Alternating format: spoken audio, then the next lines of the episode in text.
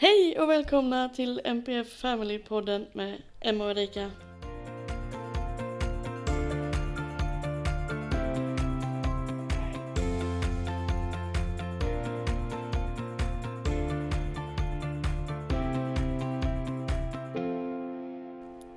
Idag känner jag en sån att detta kommer bli en otroligt bra dag. Jag har sån energi idag. Vad underbart att höra. Jag vet inte var den kommer ifrån riktigt. Nej, min eh, någonstans där jag glömt den. Ja. Nej, Malta har ju slutat vakna på nätterna så det kan ju vara det. Det kan vara det ja. Mm. Mm. Sova en hel natt, ah, gud vad underbart. Det är så svårt att komma till ro när han har vaknat och somna igen. Så eh, nu känner jag att det är lite mer på sömnkontot. Ja, nej jag har haft en sån natt där jag gått, jag tror jag har gått på toaletten fyra gånger i natt. Lika frustrerad varenda gång jag är när jag vaknar och bara nej, jag vill sova. En riktig tantvarning där. ja, jag har hört detta. De bara det är kärringavarning på det. Jaha, okej. Jag är Så nej. likadan egentligen. Ja, nej, så min sömn har blivit eh, avbruten hela natten och jag är, jag är så trött. Mm. Men det blir nog en dag av detta med. Det blir det ju, du är ledig. Ja, jag är ju ledig ifrån mitt jobb, men jag är inte ledig ledig. Nej. Nej. Nej. Så är det som det ska vara. Precis. Mm. Eh, I det här avsnittet, det var så otroligt länge sedan vi gjorde en eh, frågestund. Ja, det var det. Så jag har samlat ihop 16 frågor för att se om vi hinner att beta av allihop. Gick Ja. in på en live igår där det är lite mer engagerat. Så då fick jag alla frågor därifrån och lite på Instagram också. Ja, och det Eh. mest spännande med de här frågorna det är att jag har ingen aning om en enda fråga. Nej, det tycker jag är lite kul. Ja, Ja, du tycker det va? Jag, jag har ju bara skrivit ner dem en gång så jag har knappt koll på dem själv heller. Och jag har inte funderat ut dem heller. Ibland kan det ju vara så att man har ett svar på frågan direkt. Men ibland Mm. är det ju bara kul att få en fråga presenterad för sig och inte en aning vad man ska svara. Det får vi se. Ska jag köra igång direkt här med första? Jajamän. Den är, den är jag, ja. Jag ska försöka att inte bli eh, elak mot professioner i den här frågan. Men, Jag tror, vi har, jag tror vi har lite den stämpeln just nu att vi är lite elaka mot olika professioner. men den här frågan är vass alltså. Eh, Oh. Som jag inte ens Mm. själv vet vad jag ska svara på. Men det är, vad gör ni för skillnad i jämförelse med Hub och Pup? Wow! Ja, jag kände också det. för att inte trampa någon på tårna och Lä, läs den en gång till. Vad gör ni för skillnad i jämförelse med Hub och Bup? Det känns Alltså som vad gör MP är- Family för skillnad? Ja, jo, men det känns som att där är lite aggression bakom den här frågan. Ja, nästan. Nej men jag tänker spontant direkt att vi har inga köer. för det första. Eh, nej, och sen eh, i den frågan så det vi gör som är väldigt uppenbart det är ju att vi utgår och lyfter föräldraperspektivet. Mm. Jag kan ju bara utgå från den, eh, vi började att lära ut tack igår till våra medlemmar. Eh, och efter det så fick ju vi responsen att eh, vi gjorde det bättre än habiliteringen och det är enbart för att vi är fa- familj, familj, vi är familj. att vi är ju föräldrar själva till ett barn med MPF. Vi Mm. pratar mer med inlevelse. Vi brinner för det. De pratar ju mer ifrån professioner som vi pratade om tidigare. Ja. Bara i medicinska termer gör sitt jobb. Medan vi gör det genuint. Ja, och där är ju den största skillnaden eh, anser jag att vi brinner för det. Vi, alltså såklart barnhabiliteringen och BUP och allt det här kan ha ett engagemang, men det är också ett engagemang ur sin profession. Vi har ett engagemang utifrån vårt föräldraskap. Ja. Precis, det är nog den största skillnaden skulle jag säga. Och sen att vi eh, erbjuder extremt mycket nu för tiden och att eh, eh, skriver någon till oss så får de svar inom fem minuter i princip. Skulle man nå eh, BUP till exempel, då tar det ju ibland flera månader att de ringer upp om man har en fråga. Ja, och sen är, det inte, sen är det inte det, alltså barnhabiliteringen och BUP, det är fantastiskt att de finns, men återigen, det är ju absolut inte för att liksom trycka ner kompetens för de har väldigt mycket kompetens och ja, bra särskilt kompetens. Särskilt barnhabiliteringen för jag älskar ja. barnhab. De är det jätteduktiga. Gör jag med. Det gör jag med. De sitter på jätte, jättemycket och väldigt bred kompetens och där finns eh, de här människorna som verkligen, verkligen älskar sitt yrke. Mm. Men vi älskar det här utifrån att vi är föräldrar. Mm. Precis. Det, det, skulle jag nog säga är den eh, Vi har ju så bred största. kunskap tänker jag, alltså både kring föräldraperspektivet och yrkeslivet eftersom vi båda har jobbat med det också, eller jag jobbar ju med det fortfarande. Mm. Eh, så det, det är ju alla delar. Yrkeslivet, Precis. föräldraskapet. Ja, ja. Och sen eh, till skillnad från BUP och HUB också så erbjuder ju vi saker. De erbjuder också, men att man får själv forska i det först. Mm. Eh, och eh, ja, alltså göra allt för att få det. Ja. Alltså själv, det är ju ingenting som kommer på ett silverfat. Medan vi Nej. har en hel silverbricka, eh, buffé med olika grejer som vi delar ut. Ja, och sen är det inte det. Alltså, vi erbjuder allt som innebär NPF Family även till de föräldrar som har barn som tyvärr inte uppfyller kriterier att mm. vara anslutna till barnhabiliteringen. Mm, precis. Jag tror det är det enkla svaret helt enkelt. Ja, eh, ja men absolut. Mm. Se om vi kan eh, lämna den frågan och gå vidare till nästa. ja. Den är eh, lite enklare fast ändå svår. Eh, för och nackdelar med att ha ett barn med diagnos? Jag skulle säga uh. att den största fördelen är att man lär sig så mycket om livet. Om diagnoser framförallt. Man får ett annat engagemang i samhället.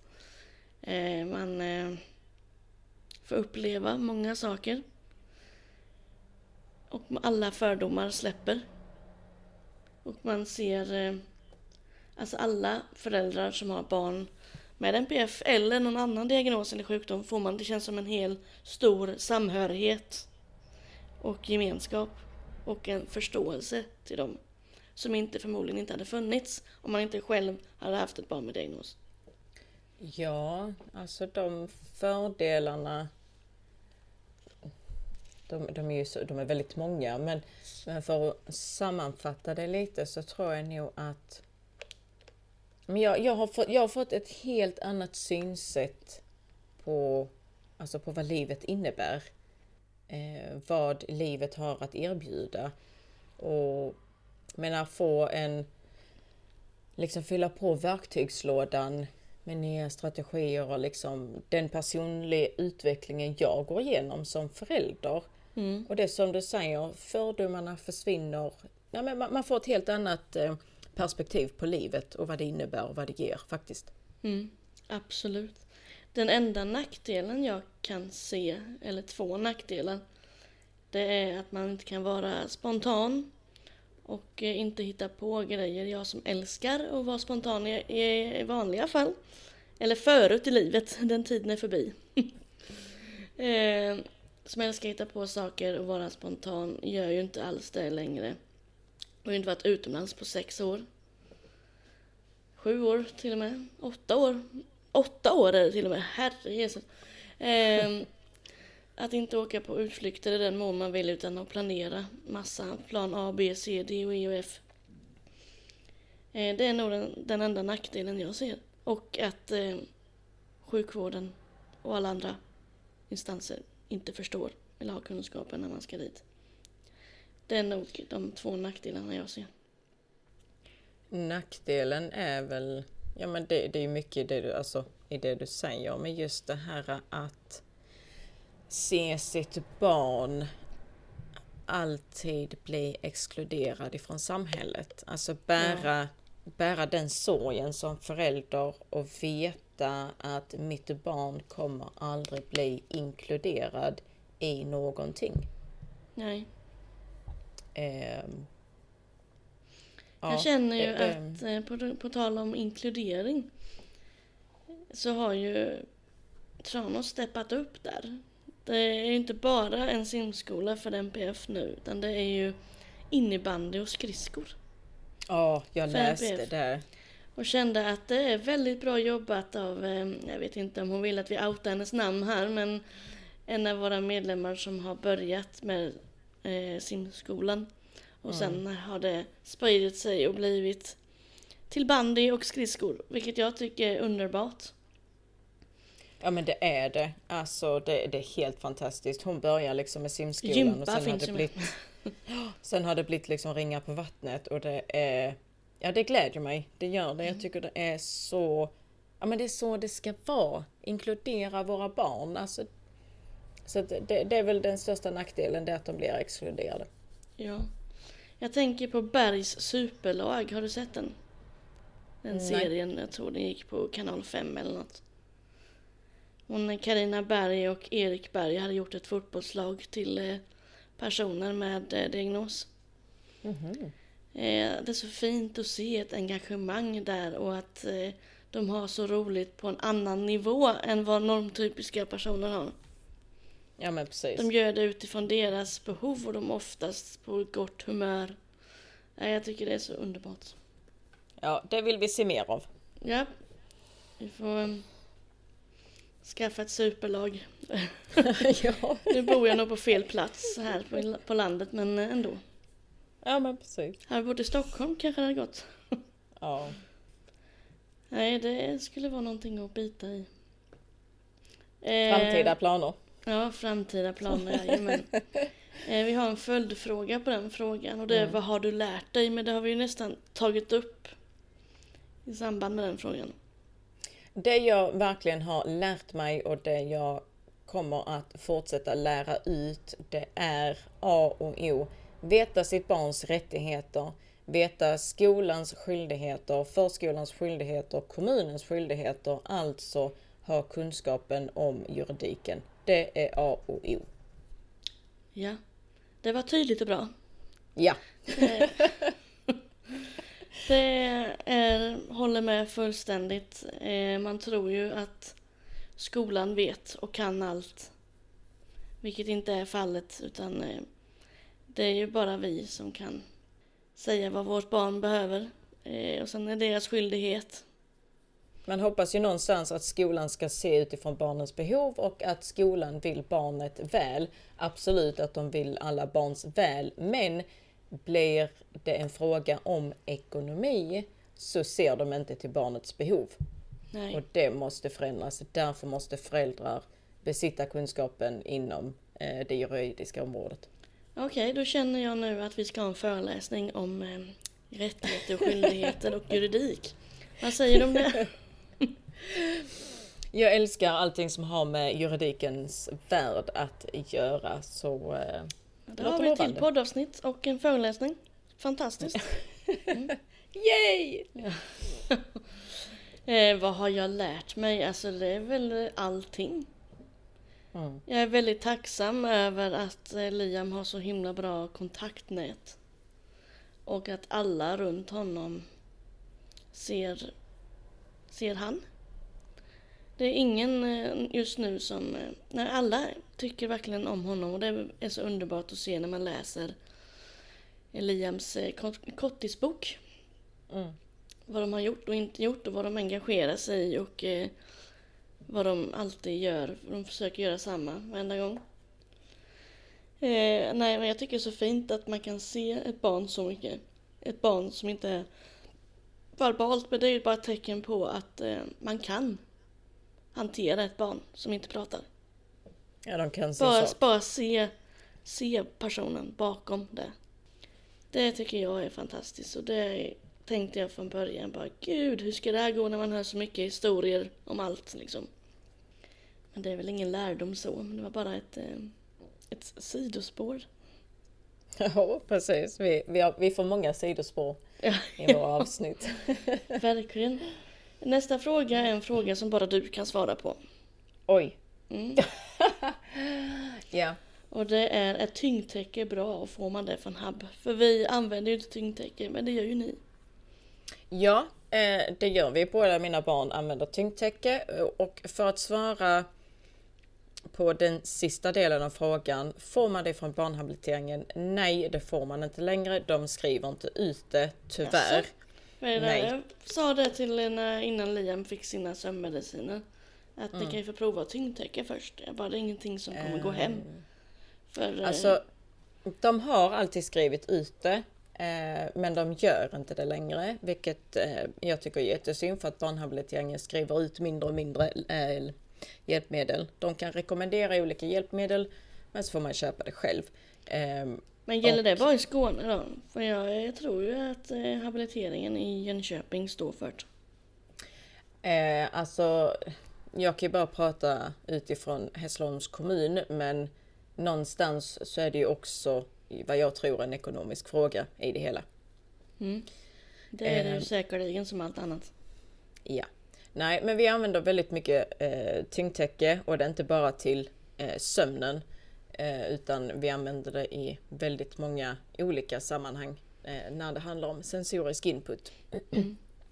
Jag förklarade det igår faktiskt i liven att ni använder det mer än i själva sömnen utan ni använder det Ja. även när det är vid hyperaktivitet och man kan ta ner barnet på jorden. Ja. Det hade ingen någon, någon aning om. Nej, eh, och det ska vi också göra ett eh, poddavsnitt om, även eh, föreläsning när det handlar om sensorisk input eh, till de här barnen som har eh, behov utav den sorts av input. Eh, Så det kommer att komma ett avsnitt om det, så där kommer jag diskutera eh, och lyfta olika sammanhang där man faktiskt kan använda det. Eh, Men det jag också rekommenderar det är att skaffa en tyngdfilt Mm eh, som man kan ha i, i soffan. Alltså om man nu inte vill släpa täcket, tyngdtäcket eh, överallt för att de, eh, de Nej, det väger ju rätt så mycket. ja, det väger ju multen. ja det gör det. måste vara Ehm. asjobbigt att eh, byta sängkläder. Det är det. Jag kommer ihåg första gången jag skulle lyfta upp det och bara kände mina armar, de bara åkte raka vägen ner till golvet igen. jag bara nej. Det är då du önskar att du hade en gentleman hemma. Ehm, ja, just där och då så hade det varit eh, mycket enklare om det hade funnits en man i hushållet som hade kunnat eh, byta det täcket, absolut. Men eh, för att... Vi använder det i Hässleholms kommun, skriver de inte ut längre, men jag rekommenderar det och det kommer komma poddavsnitt, även föreläsning om sensorisk input. Mm. Jag är någon sån som aldrig skulle klara av att ha tyngdtäcke på mig. Jag skulle få panik. Eh, samma sak för Liam. Han sover inte ens med täcke på sig. Jag lägger över det när han ska sova, men varje gång jag ska väcka han eller komma in där eller så eh, har han inte det på sig. Nej, Så och det han vill- funkar inte till alla. Det gör Nej. det ju inte. Det funkar ju Ehm, även till vuxna med ångest och sömnsvårigheter. Absolut. Ja, ja. Men det, det är ju individuellt. Ja. Eller jag har ju inte provat i och för sig så det kanske skulle funka jättebra men eh, jag tror att jag hade känt mig väldigt instängd. Ja. Men det, det är ju som sagt det är individuellt och du kanske inte är i behov utav den inputen Nej, av tyngd. nej. Men eh, mina barn är i behov utav det och därför har det funkat extremt bra. Ja, det är toppen när man hittar saker som fungerar. Men eh, Ja. sover de bättre med den? Eh, ja, det gör de. Eh, men sen nu så är ju Andrea inne i en period där hon rör sig väldigt mycket. Eh, och då blir det att hon även slänger av sig under natten. Men just Hon orkar det hon- alltså? Ja, oh, oh, ja. Där, är, där, där är mycket styrka i den eh, lilla tjejen. Mm. Ehm, men absolut, Leila hon ligger ju betydligt mycket stillare ehm, i sin lilla kokong när hon har eh, tyngdtäcke. Ja men det blir det lite liksom för hon vill gärna att man sveper under benen och sånt med så att hon blir liksom ja, där och, där och då. Mm. Använder du det? Ehm, nej, jag har aldrig ehm, köpt det till mig själv. Men sen har jag ju lånat barnens för att se vad, alltså, vad är det, vad handlar det om och vad, vad skulle det ge mig? Sen har jag en väninna som har en tyngdfilt och jag kan säga varenda gång jag kommer hem till henne, lägger mig i soffan, så är det den filten jag ska ha på mig. Så eh, det funkar på mig också. Det låter ju fantastiskt då. Ja. Mm. Eh, ska vi gå vidare till nästa fråga här så eh, lyder den så här. Vad är skillnaden på BUP och HAB? Jag själv, eh, jag befattar ju inte mig med BUP själv men jag har ju aldrig hört någonting positivt om BUP.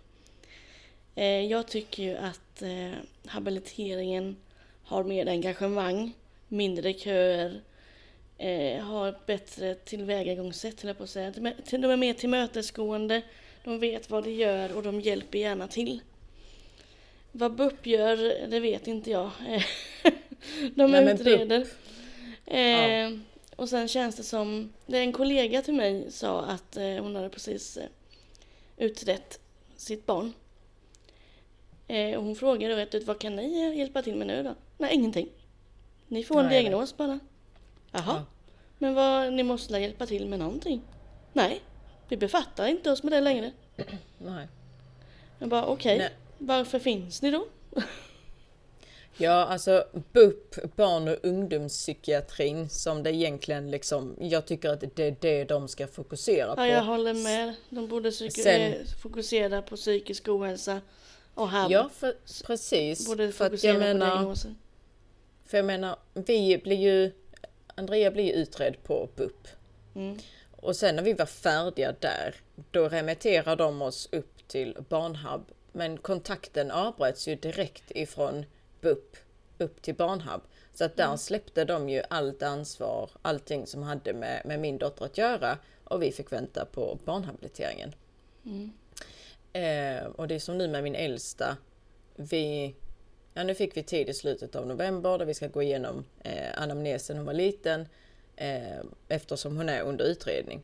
Och blir det då att ja, men de sätter diagnosen, ja då blir det ju att vi går upp till barnhabiliteringen. Mm. Så att någonstans tror jag att barnhabiliteringen hade kunnat sköta allting som har med funktionsvariationer att göra. Och sen att BUP enbart hade tagit hand om psykisk ohälsa hos barn och ungdomar. Mm. Det håller jag med om. För uppenbarligen så klarar de ju inte av det. Nej men verkligen separera de två för att absolut att det går hand i hand, det gör det. Men man måste någonstans dra gränsen väldigt klar att här är det barn och ungdomars psykiska hälsa och detta här fokuserar vi på eh, funktionsvariationer, hjälpmedel, utbildningar och diverse grejer. Mm. Det håller jag verkligen med dig om. Jag vet inte vad som har gått snett på BUP egentligen men det känns som att de har alldeles för mycket på sitt bord och att de inte reder ut det.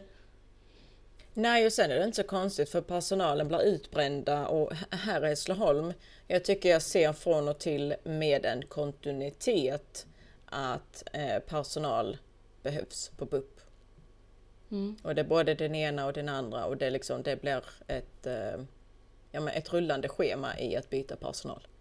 Ja, alltså egentligen tror jag inte det är något så här, alltså det är inget fel på personalen. Det är bara att de är så stressade, underbemannade och inte vet vilken ände de ska rodda i. Och så får de dåligt samvete för att de inte kan hjälpa barn. Ja men de är utbrända ju. Ja, Jag menar tänk dig själv, de har flera, alltså jag menar tänk dig högarna med barn som behöver bli inskrivna på BUP, de vill behöva en första kontakt. Ja, får man vänta kanske om man då har otur två till tre år. Där det faktiskt är alltså en sån här första kontakts eh, lag så att säga. Att man ska få den första kontakten inom den och den tidsramen. Ja, den spräcks ju direkt. Mm.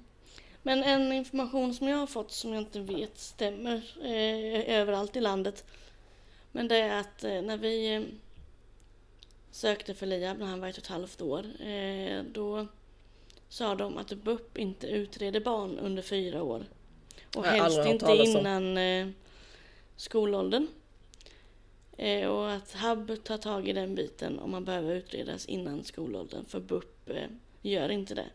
Och för att enligt dem att de inte ser att det behövs Jag själv tycker ju definitivt att man ska ha en diagnos innan skolstart. För att eh, vi får se hur det går i skolan. Alltså den meningen är jag så trött på. För man vet ju hur det kommer gå då om man säger så. Ja, ja, det hinner alltså, fallera i skolan. Och när det väl har fallerat i skolan, då ska man ställa sig i kö två, tre år. Då går det fallerade ännu mer i två, tre år. Och när man väl börjar få hjälpen, då har det gått för långt istället. Ja, alltså för jag menar BUP, som sagt, vi, vi fick kontakt med BUP när Andrea var två och ett halvt och började utredas när hon var tre. Där var ju, och visst, där var ju det här att ja, men hon är fortfarande liten, men vi, vi ser det du ser. Ja, men okej, om ni då ser det jag ser, vad väntar vi på? Varför ska vi vänta? Liksom hela tiden här, vi avvaktar. Mm. Och sen, sen är jag ju den jobbiga mamman i alla sammanhang när det kommer till mina barn. Eh, Ja, jag har blivit kontakt- likadan. Ja, men vi hade kontakt med sjuksköterska och vi var på plats. Eh, jag vet inte hur många sjuksköterskor jag hade. Vi hade eh, olika psykologer som gjorde liksom sin observation med jämna mellanrum. Men ändå det här att vi blev inskrivna när hon var två och ett halvt och så fick vi då, vi hade ju tur att bara vänta i ett halvår och sen kunna påbörja en utredning. Men sen tog ju utredningen ett helt år. Ja, hur kunde det ta ett helt år? För att de, de säger det att för att kunna sätta en eh, EF-diagnos, alltså intellektuell funktionsnedsättning, då måste det ta så kallat ett år för att göra de här eh, testerna med kontinuitet under hela året för att se om det verkligen är en EF eller om det bara är, eh, som många brukar säga, lite sen i sin utveckling. Och då måste man ha den... veckor. Ja, alltså i den eh, tidsramen. Så att, och det kan jag med känna, det kommer jag ihåg under den tiden på BUP och jag kände bara, jaha, men nu då? Nu har vi gjort detta testet och då ska vi göra mer test. Och sen är det ett test till och jag bara, jaha, eh, vad händer nu då? Men ingen annan stöttning under tiden. Utan det var, vi fick komma med jämna mellanrum och göra de här testen. Och sen då när BUP var färdig hade satt sin diagnos och jag bara, jaha, vad händer nu då? Nej, nu får du vänta för att bli remitterad till barnhabiliteringen. Jaha, ännu mer vänta och vänta och vänta. Men sen när vi väl kom upp till barnhabiliteringen, sen så eh, blev det ju något helt annat direkt liksom. Ja, det här eviga väntandet alltså. Mm. Ja, Så att nej, BUP och barnhabiliteringen, det måste bli två helt olika saker. ja. Vi får ta upp det med politikerna också. ja, precis. Eh, nästa fråga hör också till BUP och HAB. Mm. Vad finns det för hjälpmedel att få via HAB? Eh, barnha eh, barnhabiliteringen. Eh, som sagt, jag kan ju bara prata utifrån Hässleholms kommun. Eh, tyvärr så har de börjat dra ner extremt mycket. Eh, man får inga tyngdvästar längre, eh, inga tyngdtecken, man får inte eh, speciella bestick. Det kunde man få innan, de kan bara rekommendera. Så det vi har, ja men det är ju till exempel man kan få cykel, eh, hjälpmedelsvagn, rullstol. Där är... Eh, man kan få hjälp med schema. Ja precis, imprint, ritade tecken, olika schema. På BUP fick vi faktiskt en, en jättestor som man sätter på väggen med både alarm och lampor och, och, och så. Eh, det fick vi på BUP. Även tyngdtäcket på den tiden fick vi från BUP. Ehm, och sen så finns det ju eh, så kallat arbetsstol som är helt anpassad ut efter barnet. Ehm, vad är det mer? Vi har fått timstock. Ja, timstock finns ju såklart och sen eh, blöjor. Vad är det mer? Trosor, speciella tro underkläder kan man faktiskt få också. Det fick vi utskrivet eh, nu förra gången och då är det att den trosa fast det är ett skydd. Så att skulle barnet... Badkläder? Hygienbyxor.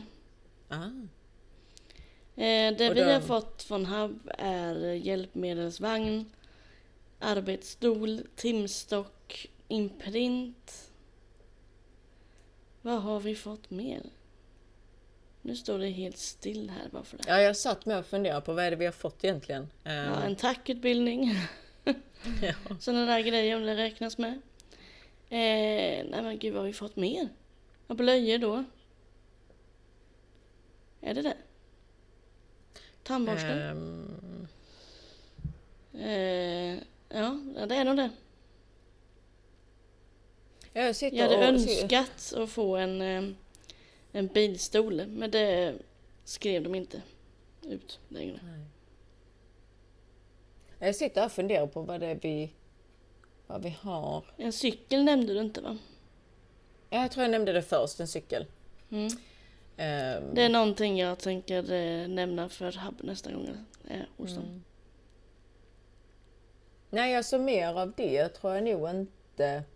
Jag tänker att mediciner räknas som hjälpmedel också för eh, Liam får ju två sömnmediciner. Det skulle inte han klara sig utan. Det är ju ett, ett verktyg för att han ska kunna sova. Mm. Ja. Um, är det mer? Nej, no, nej, sen tror jag nog inte, inte vi har mer så. Lås! Och jag kan inte... Mm. Det är det med.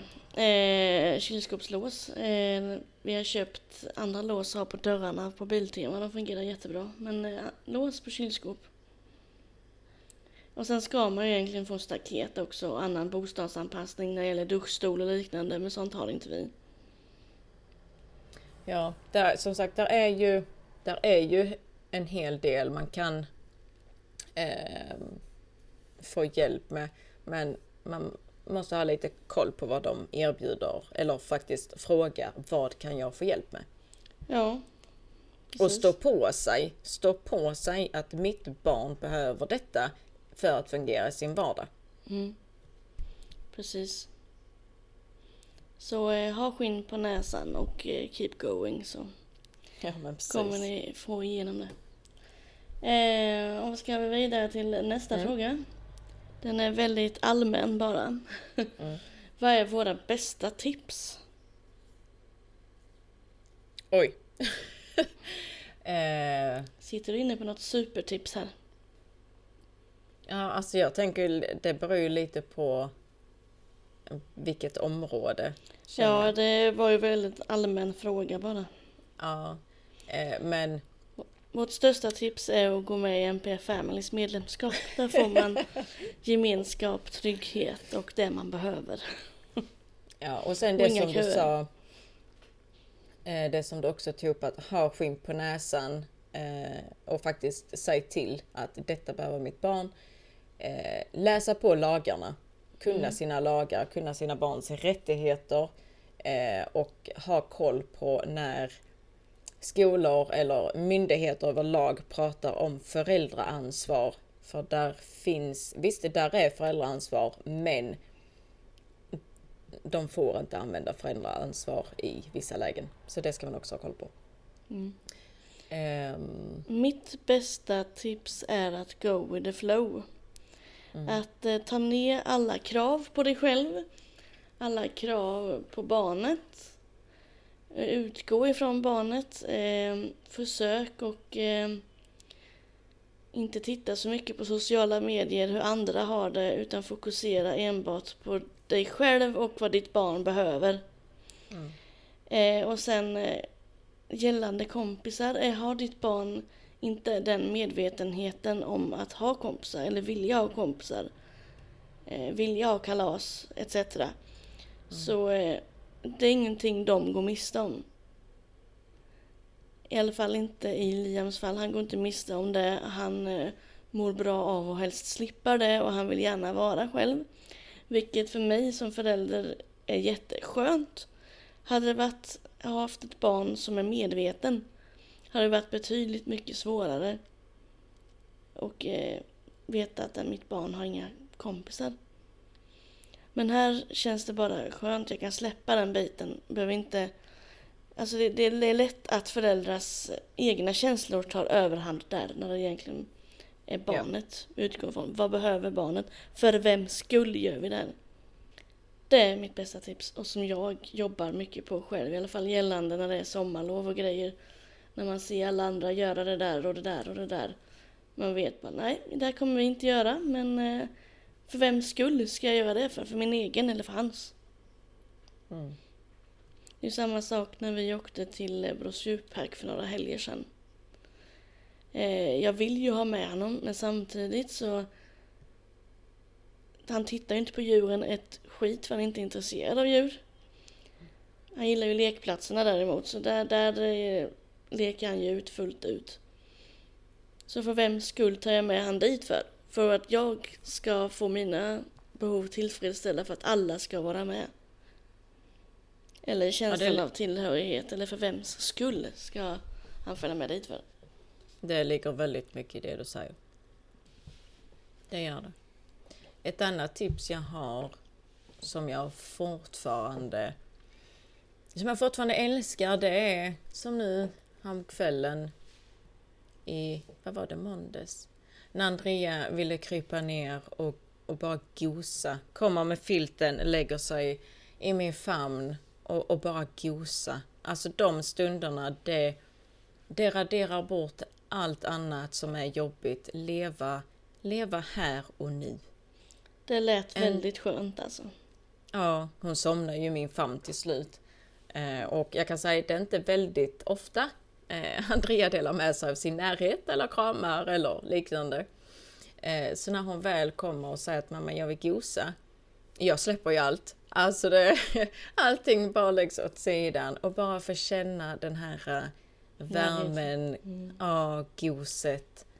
Eh, och Andrea hon, när jag fick henne under de här åren hon har verkligen, verkligen, verkligen lärt mig att leva i nuet. Inget annat. Ja, det är det som är så skönt med de här barnen, för de lever ju verkligen i nuet. När han Mm. själv lever typ eh, tio steg framåt. Precis. Eh, så det är ju härligt. Och eh, Liams, eh, han älskar ju närhet. Och hans kramar är något alldeles speciellt. Det är som att hela hans värld lägger han i mina armar. Alltså, Mm. det är sån värme i den kramen han ger. Så det är skönt. Mysigt och härligt. Ja, det är det. På alla sätt och vis. Eh, har vi några strategier för våra barn? Oj. eh, ja, det är väl typ så här fyra av fyra sidor. Ja, om man ska Eh. sammanfatta dem lite kort så kanske det blir Oj. ett eget avsnitt av om strategier. Eh, ja. Det hade det ju lätt kunnat bli. Ja, men oj, ja.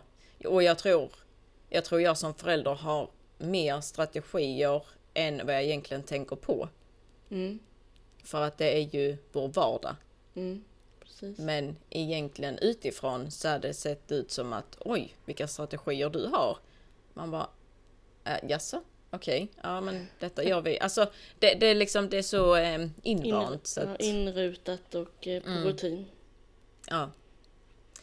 Ehm, men oj, ja. Nej, jag vet inte. Det är ju så många att välja mellan. Eh, det sjuka är att jag kommer inte på en enda just nu. Jag har hjärnsläpp här. Så jag tänker om du nämner en så kanske jag kommer på en här. Ehm, alltså, det kommer till strategier och eh, eftersom Andrea har så mycket av sensorisk överkänslighet. Eh, jag arbetar ju extremt mycket förebyggande i alla syften eh, för att minimera hennes utbrott eller hennes stress, ångest, vad det nu än är. Ehm, så att om man då kollar på den eh, ljudkänsliga biten till exempel. Hon åker taxi. Eh, och ibland så, eller för det mesta, så kan det vara rätt så mycket olika ljud i taxin. Eh, och det vi har, det har ju blivit en rutin, men i början så var det att, ah, en ny strategi.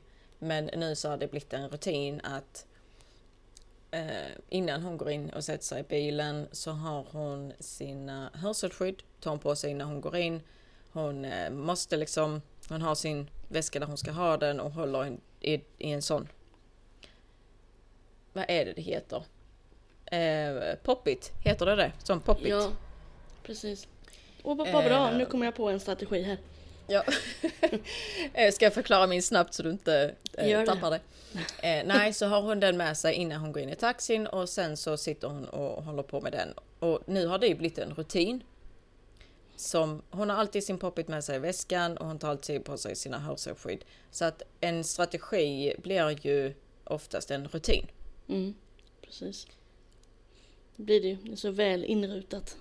Ja. Men eh, Ehm. ja, eh, nu kommer jag på strategier. Jag kommer bara, Ja, dela inte med på, Eh, kommer inte på bara vad, vad är det egentligen? Vad gör jag? Men nu kommer jag på att vi, vi har ju det i alla lägen. Eh, Men när det kommer till bilen då, när du ändå nämnde taxin, så har ju Liam hatat att åka bil i ett halvår. Eh, och man blir ju hemmablind. Eh, så efter ett samtal med psykologen på Barnhub så köpte jag enorma mängder begagnade sensoriska leksaker. Och ha i bilen. Eh, och ha vid eh, stress. Han har inte haft ett enda utbrott eller gått ur bältet sen vi skaffade det och det är sen i somras. Fyra månader har gått då. Så han har inte haft, så han har åkt tryggt och säkert i taxi och bil i fyra månader på grund av att han kan sitta och pilla med saker. Mm. Så det är väl en strategi och en annan strategi är ju när vi åker bort på utflykt eller någonting annat så har man ju med sig eh, mat safe, alltså eh, Ja. mat som verkligen fungerar. Mm. I, som, ja, där han kan äta och där han äter och ha med sig paddan i förebyggande syfte. Eh, en ja, sensorisk leksak, en padda och mat. Eh, de tre grejerna som vi alltid tar med oss som behövs Mm. för en Ja, lyckad det- dag någon annanstans. Ja, och det är ju mycket det här att jag, man, vi arbetar förebyggande fast vi egentligen inte tänker på det. Det är precis som du sa det här att om vi ska iväg så har vi alltid med oss eh, Andreas väska och vi har ju alltid med mat så, Mm. som jag vet att hon äter. Hon har alltid med sig en egen flaska. Eh, Spiderman-flaska, en vattenflaska eh, med saft. För jag vet om att eh, hon är väldigt känslig för om någon annan skulle ge henne dricka. Mm. Eh, iPaden är med, hörselskydden är med, eh, hörlurar är med, iPad är med, eh, olika sensoriska leksaker är med. Där är, liksom, där är ju hela paketet, följer ju med Mm. överallt just i förebyggande syfte. Ehm, så att där, vi använder ju strategier hela tiden ehm, och vi kommer på nya strategier för att på något sätt så våra barn blir äldre, ehm, funktionsvariationerna förändras, alltså måste vi skapa nya strategier. Mm. Precis. Så hela vardagen är ju fylld med strategier. Mm.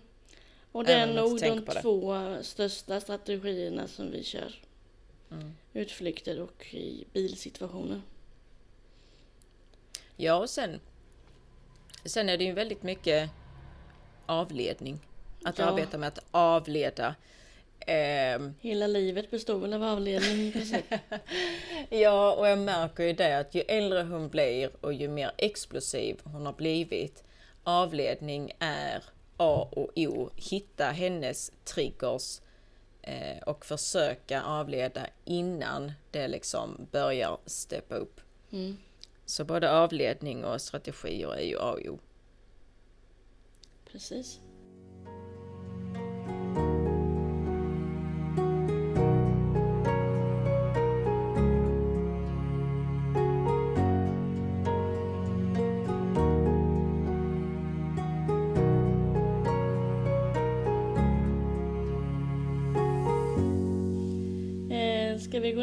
Nästa fråga som är otroligt bra.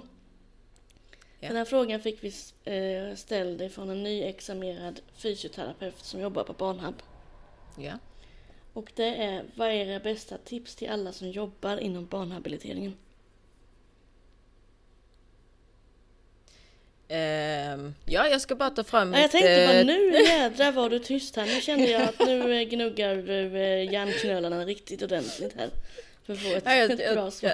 jag, jag tänkte det, nu ska jag ta fram mitt eh, 10 cm tjocka eh, block där jag har skrivit ner alla brister. Nej, det har jag inte. Eh, ja, vad har vi egentligen? Jo, Lyssna jo. på föräldrarna. Ja, samarbetet med föräldrarna är Mm. A och O. För att vill, vill, vill man skapa en relation till barnet så måste man skapa en relation till föräldern. För att föräldern, även om barnet är verbalt eller icke-verbalt eh, eller använder andra sätt att kommunicera på. Vill du ha en relation till barnet så måste du bygga och skapa en relation med föräldern. För att föräldern är barnets förlängda arm när det gäller kommunikation. Mm. Helt rätt. Och sen eh, behöver de ett engagemang utan dess like. Hitta de där guldkornen hos barnet. Mm. Hitta intresset. Eh, är specialintressen som kan arbeta utifrån det. Ja. Eh, personcentrerad vård skulle jag säga om det krävs en undersökning, en läkarundersökning på HUB. Som man gör med mellan mellanrum. Eh, undersök där barnet är. Sitter den på golvet och leker? Ta fram stetoskopet och tar det där. Eh, tar det därifrån. Och verkligen engagera sig. Alltså det, det är så man fångar de här barnen. Ett Ja, och det här utan att- like, nästan överdriva. Jo men sen är det lite att om man nu vet om att okej nu ska vi göra detta och detta och detta eh, vid kommande besök. Kontakta föräldern innan, ha frågor. Hur, hur vill eh, ditt barn bli bemött? Eh, och ha alla de här frågorna redo. Gå igenom det med föräldern innan ni ens är på plats med barnet. För att då Alltså det hjälper ju personalen att hitta olika strategier på hur de kan arbeta med barnet. Och sen är det ju skillnad att, att få information till sig och sen att faktiskt träffa barnet och hålla avstånd. Gå inte fram till barnet. Prata med, med föräldern. Lämna barnet eh, för sig själv. För det har jag ju sett så många gånger, även alltså barnhabiliteringen, läkare, vad man nu än är, att de gör för snabba närmande mot barnet. Låt Ja. barnet komma. Men, och det viktigaste av allt, det som du säger, den här energin. Visa för barnet med hela din energi att jag är så glad att se dig. Mm.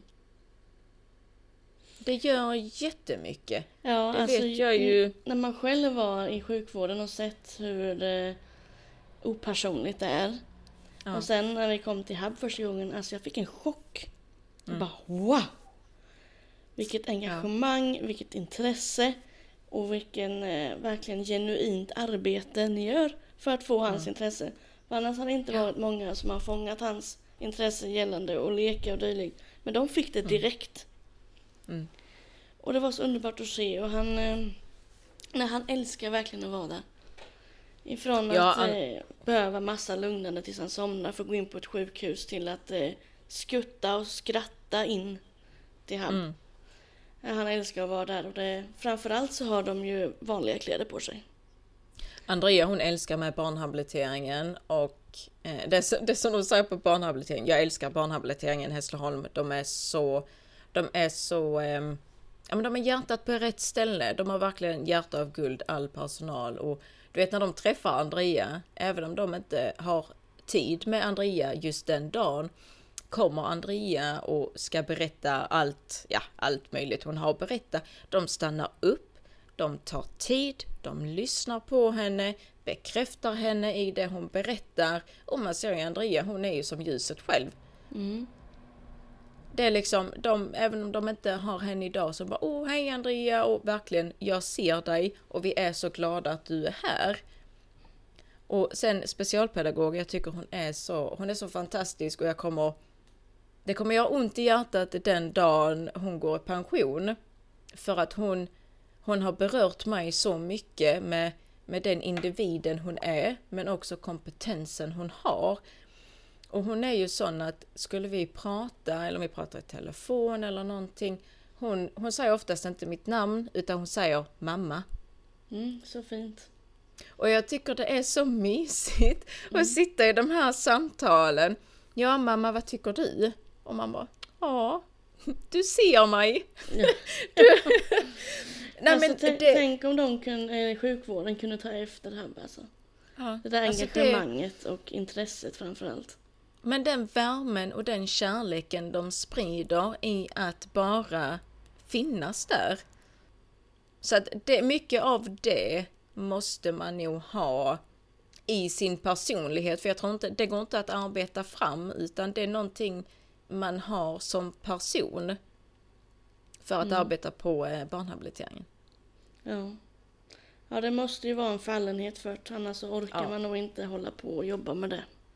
Nej, det tror inte jag heller. Nej. Eh, nu kommer vi till en fråga till dig igen här, i alla fall den första av dem som tillhör den här frågan. Mm. Vems idé var det att starta NPF Family? Hur ser framtiden ut för er? Eller det var en Eh. fråga till båda, men den första var till dig. Ja, det var ju jag som grundade NPF Family 2020. Ehm, och varför? Ja, det är ju alltså Andrea. Andrea är ju mitt varför. Hon kommer alltid att förbli eh, mitt varför till varför jag grundade NPF Family. Och framtiden för oss. Alltså Den- jag har och- så mycket framtidsplaner för det här. Alltså, Jo, Ja. men det är ändå så ovisst för att vi vet inte vart samhället står om tio år. nej, Eller vad samhället, ja, eller vad samhället står om fem år. För att vad vi kan konstatera idag det är att samhället är inte redo för NPF-världen. Den, den, alltså samhället är inte redo för alla vi som verkligen kämpar för våra barn, startar organisationer, eh, vi, alltså du vet verkligen den här alltså kampen och liksom trycket det börjar komma ifrån NPF-världen. Mm. Samhället är inte redo för det och det är så spännande för att vi vet inte hur det ser ut om 10 år eller hur det ser ut om 20 år. Men vi kan ju Men- drömma i alla fall.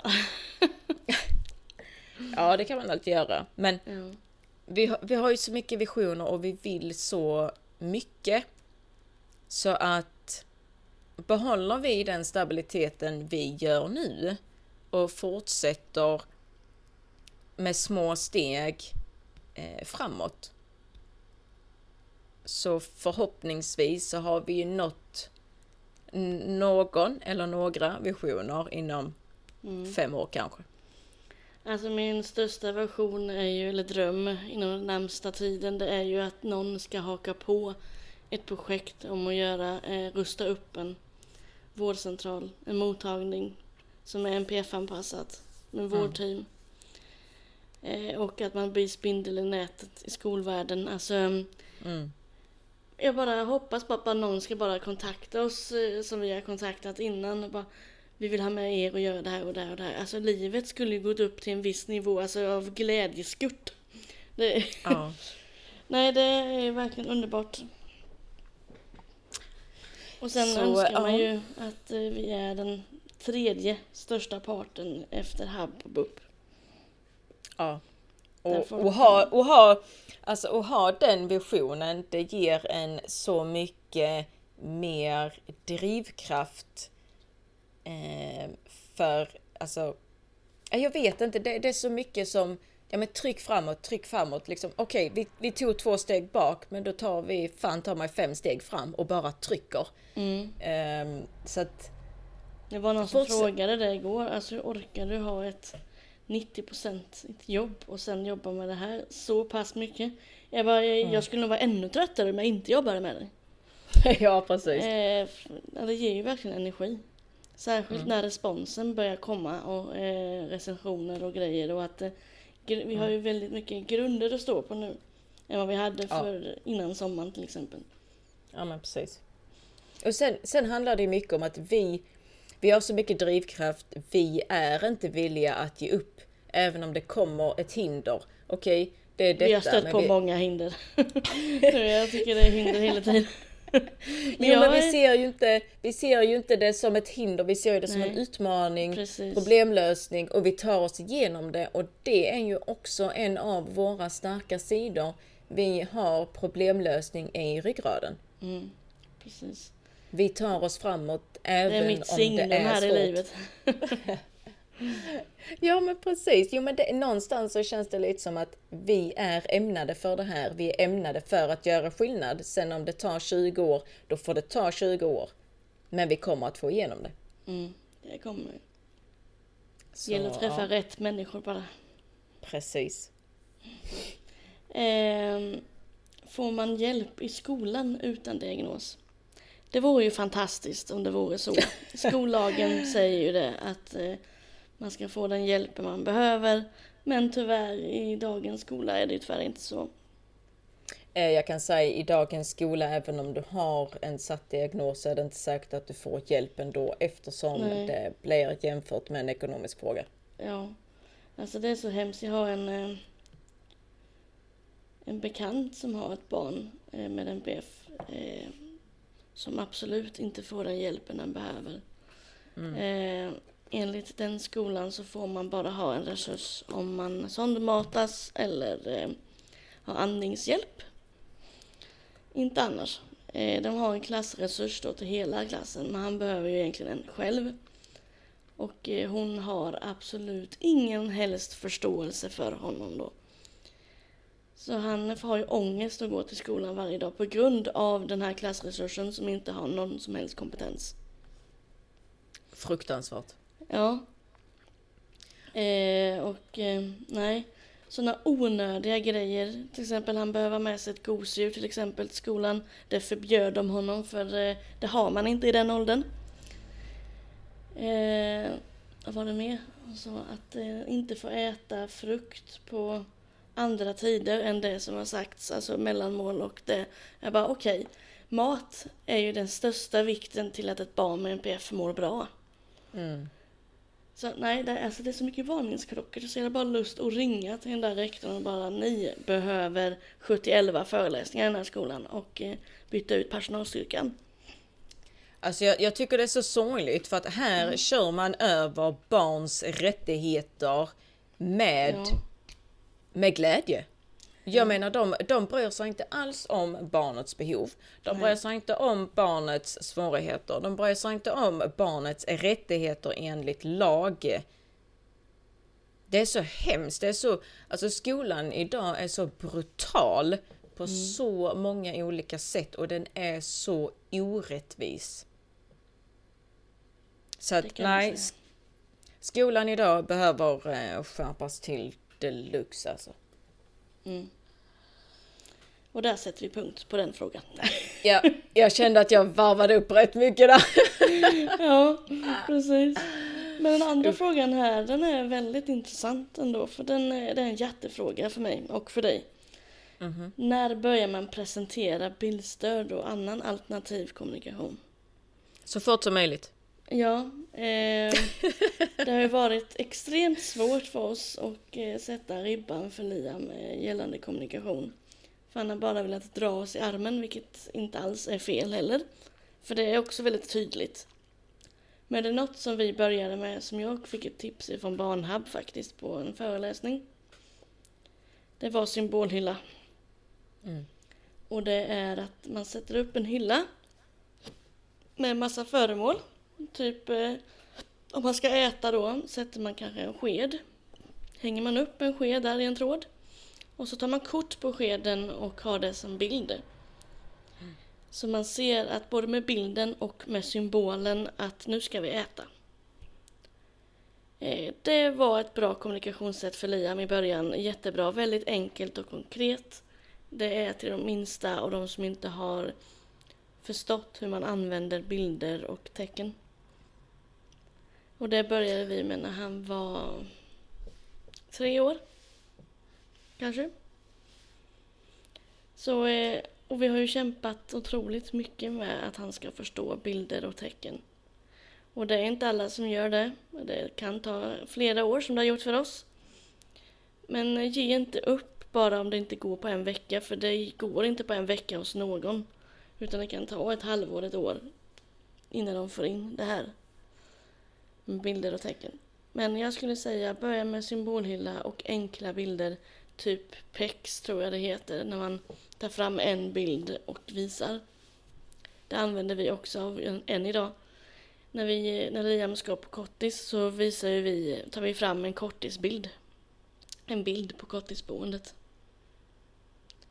Eh, och får respons. Så eh, det kallas för PEX. Så det kan man också göra och det är också väldigt bra att använda sig av. Ja, och sen det, inte det göra ju... det för svårt för sig själv. Nej, det, det ska man ju aldrig göra. Men jag, jag märkte väldigt tidigt på Andrea att... För hon var, hon var inte sån, hon tog ju aldrig armen eller någonting. Eh, men redan som spädbarn så, ni, ni vet, ni, ni, som vet, ni vet. Alltså det, mammakänslan, man vet om att någonting inte riktigt stämmer. Och, och jag kände ju det redan när Andrea var spädbarn. Eh, så att jag började ju med tecken redan då.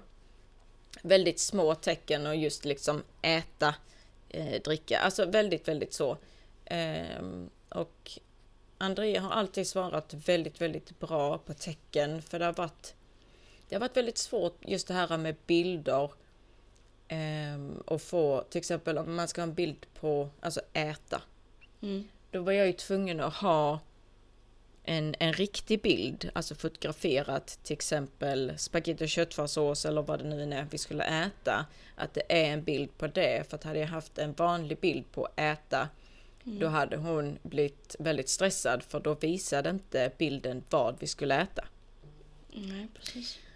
Um, och till exempel om vi ska åka bil då har, visst, nu har vi bara en bil, men om vi ska åka iväg en idag till exempel så måste Andrea veta, är det min bil eller ska vi åka i Anjas bil när vi åker till hästarna? Hon måste veta vilken det är. Man kan inte bara säga, ja men vi ska åka bil. Nej, ja, men det vilken? är väldigt eh, viktigt tydligen. För det är en mm. grej som Liam också har snappat upp redan vid tidig ålder. Det var, vilken mm. bil?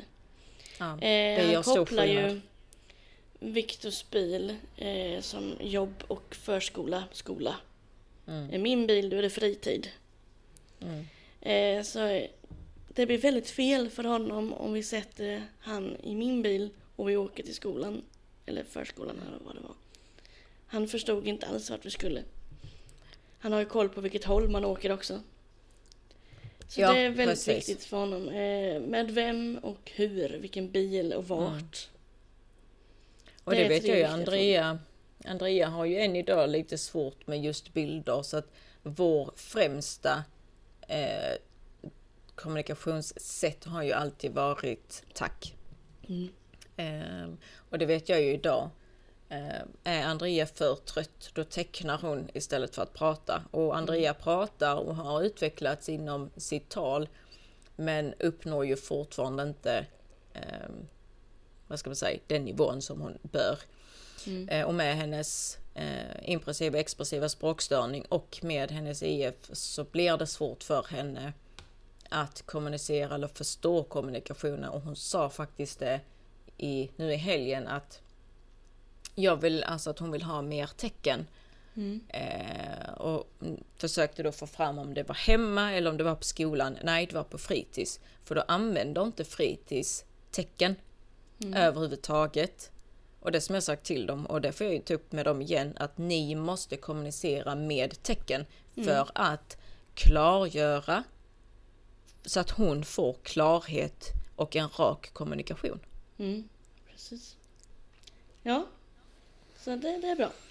Ska vi gå vidare till eh, nästa fråga? Ja. Eh, och det här är en fråga som jag inte ens har ett svar på själv. Eh, hur hanterar man ett barn som har sönder saker hela tiden? Eh, vi har ju alltid haft problem med den biten. Ja, Ända sedan eh, Liam kunde gå har han rivit ner varenda sak som är i hans närhet. I huvudhöjd. Det ska bara mm. inte vara där. Så vi har typ vårt hus, eh, inredningen är ju fin men eh, vi har ju ingenting små saker som är överallt för det går inte för det, det får liksom inte vara där kvar. Eh, och varför vet inte jag, för habilitering har heller inget svar på den frågan.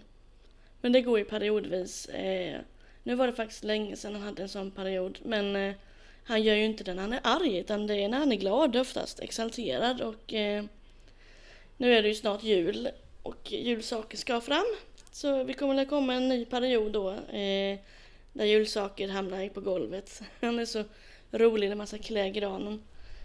Vi, vi sätter på kulorna och han tar ner dem. Mm.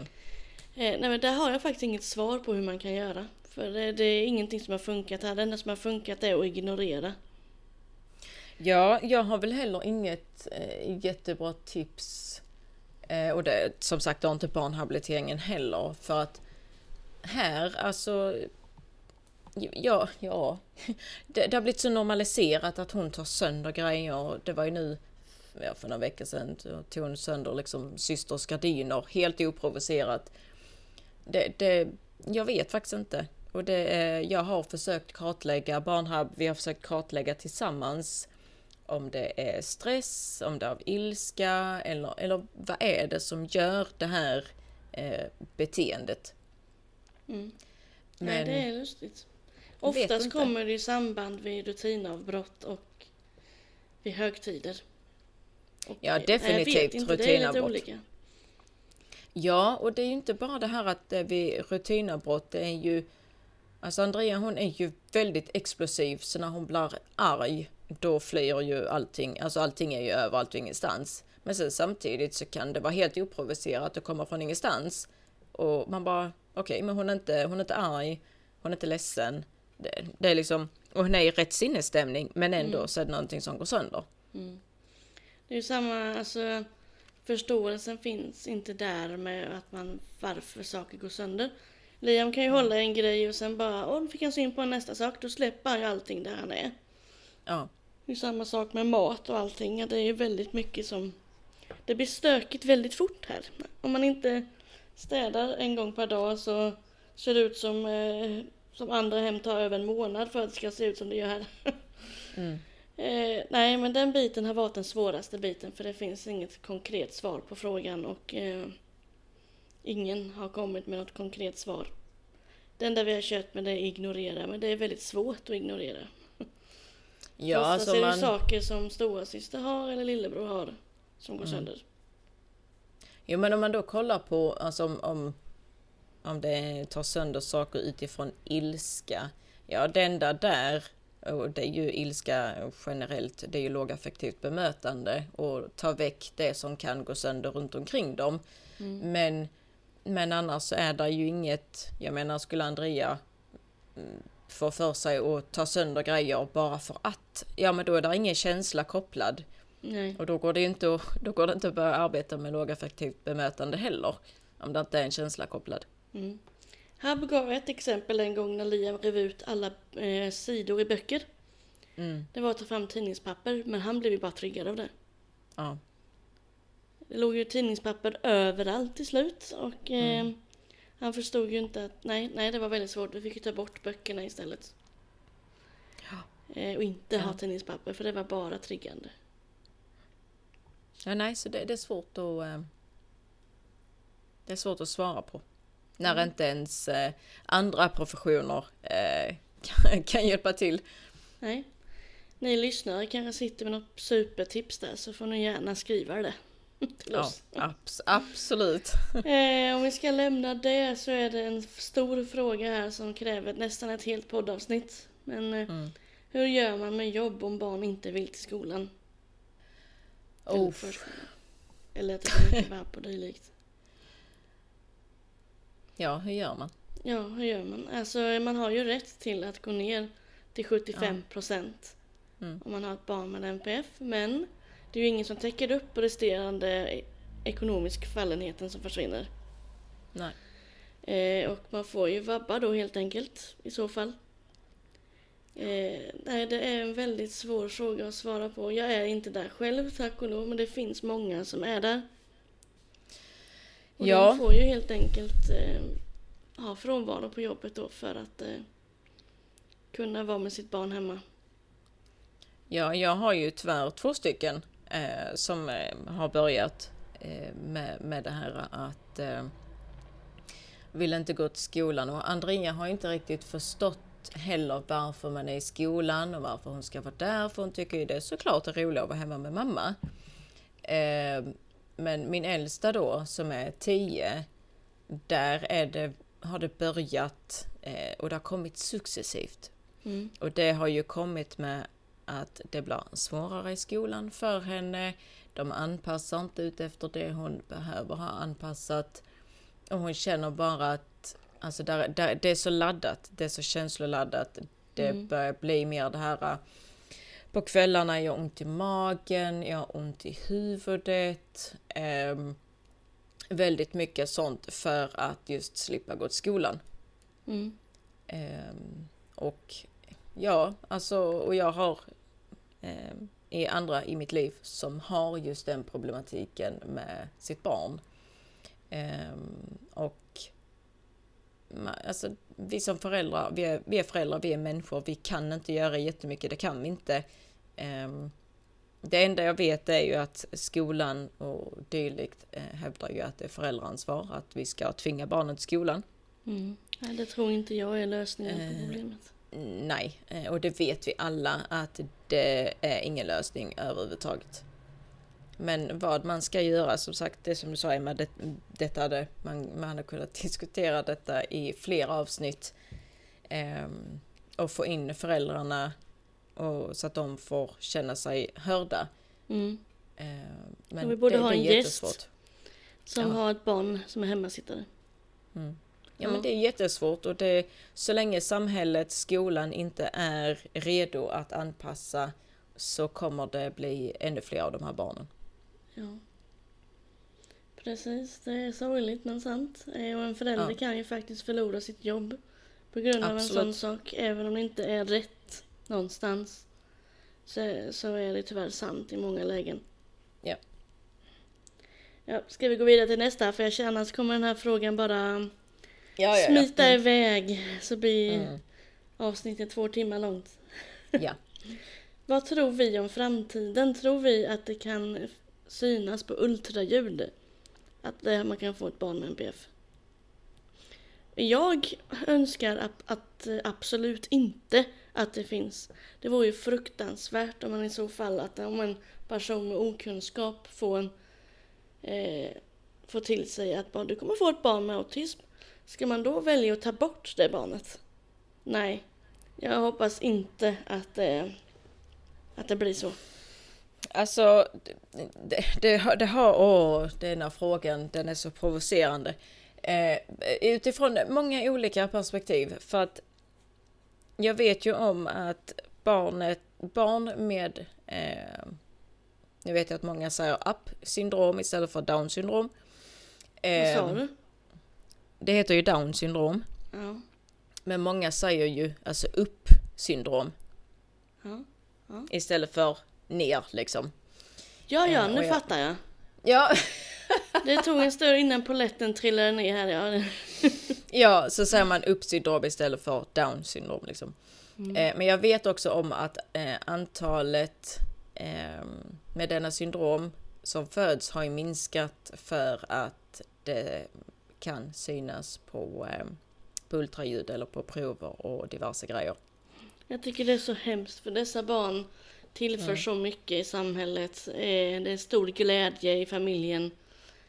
Det är jobbmöjligheter för andra att kunna jobba med den typen av eh, människor. Alltså, nej, jag tycker bara det är fruktansvärt. Jag förstår att man vill välja att ta bort ett barn som eh, föds med väldigt stora sjukdomar eller problem som ändå kommer mista livet om några år eller inte ha ett fungerande liv alls.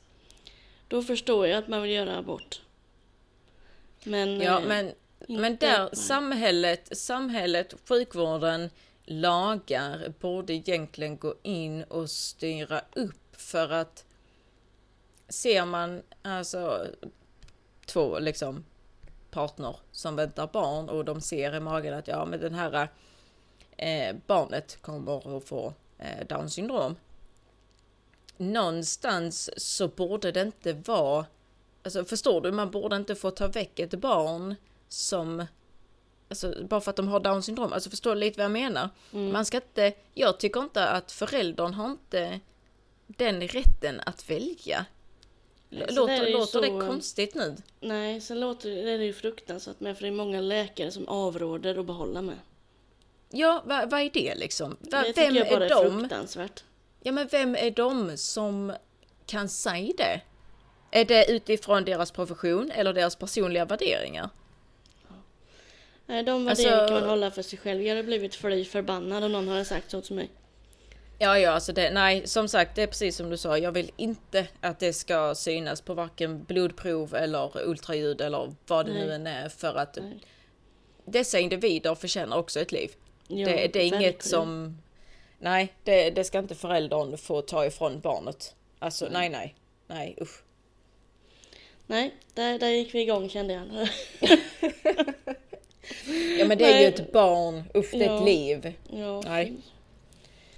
Eh, ja, sista frågan här. Ja. Eh, det är ju en fråga som inte vi kan svara på egentligen. Varför jobbar kommuner olika? Alltså, eh, varför ser det olika ut i olika län, kommuner, med hjälp Det har- och ja. dylikt? Det har kan jag undrat i åtta år. Nej. Eh, och det har jag undrat i åtta års tid. Eh, för att alla kommuner har ju... Alltså där är ju som de ska följa Mm. utifrån regeringsnivå. Men ändå så är det vissa kommuner som väljer att avvika. Eh, och jag, jag vet inte varför. Sen, sen tror jag nog det handlar lite om om kommunen har mer pengar eller om kommunen har mindre pengar. Det är, när det kommer till kommun så är allting styrt av ekonomi och har de en sämre ekonomi så kan de ju inte alltså, ge eller göra det de behöver göra utifrån ekonomi.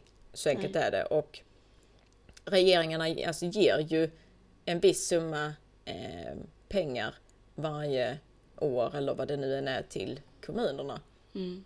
Och sen vad jag har förstått det som så ska ju kommunen då alltså dela upp det på alla områden. Ja, Men varför de, varför de gör olika det vet jag inte. nej. Det är ju inte bara i NPF-sammanhang som det är olika utan det är även förlossningsvården. Ja, Be- eh, och när man är gravid. För i Jönköping får man gå över två veckor. Jag vet i Östergötland är det bara en vecka. Bara sådana grejer. Varför är det så? Det är ju eh, hemskt och konstigt bara att eh, det är så. Samma med graviddiabetes. Eh, bodde jag i Östergötland så eh, räknades diabetes eh, efter 10. Alltså i värde då. Mm. Och i Jönköpings län så var det 8. Liksom varför eh, ska det vara olika där? Ja, och det ska det inte Det är vara. jättekonstigt är det. Ja, men det ska ju inte vara så. Det ska vara alltså punkt och prickar i alla län eller alla kommuner. Mm. Och jag förstår inte, och det som du säger, det är i alla områden inom kommunen där det är olika. Det räcker att du kommer från Hässleholms kommun till Markaryds kommun så är det helt olika. Det är olika, till exempel det är olika löner. Alltså allting är olika. Mm. Ja, där kan man säga är en väldigt stor skillnad kan jag säga. Jag jobbar ju i Boxholm nu. Mm. Det skiljer eh, mellan 5 och 7 tusen i lön om jag hade jobbat i Tranås kommun. Herregud. Ja, alltså det, och det utför samma sysslor. Nej, jag tycker det är Mm. jättelustigt faktiskt. Ja. Nej, och det det är inget vi kan svara på. Det är egentligen bara... Jag vet inte som kommunerna själva kan eh, förklara varför det är som det är. Eller, Nej, de har nog inget svar alls. nej, eller om Om det är en län kan... ekonomisk fråga som du säger. Ja, men jag tror det är det. Alltså så fort det har med politiker, kommun, kommunfullmäktige, det är bara ekonomi som styr allt. Mm. Men Det varför det är som det här, är. Ja, det här avsnittet blev väldigt långt. Ja. Jag tänkte att det skulle blivit kort, men varenda gång jag tänker så är- blir det alltid de längsta avsnitten. Ja, vi har mycket att säga. Ja, och många av de här frågorna kan man ju bara ta i ett enda avsnitt också. Ja, absolut. Visst är det så. Ja. Men vi kanske ska ta och eh, runda av här och eh, avsluta. Det tycker jag. Ja. Vi har fått mycket sagt och det har varit väldigt intressanta frågor. Det är så roligt att få frågor ifrån någon som lyssnar eller på som i olika sammanhang på sociala medier. För det är intressant att veta hur andra tänker.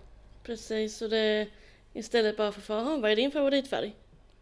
Ja, men precis. Okej, ja, blå. Ja, okej, spännande. Det sa mycket om dig nu. Ja. Nej men det här är väldigt djupgående frågor och roliga frågor och eh, ett engagemang som öppnar Ja. upp. Det är härligt. Absolut. Så mer av frågor och vi svarar på det vi kan. Det gör vi. Ja. Men eh, ni får eh, ha det så bra allihopa. Och tack så jättemycket för att ni lyssnade. Det är lika roligt och eh, vi ses i nästa avsnitt.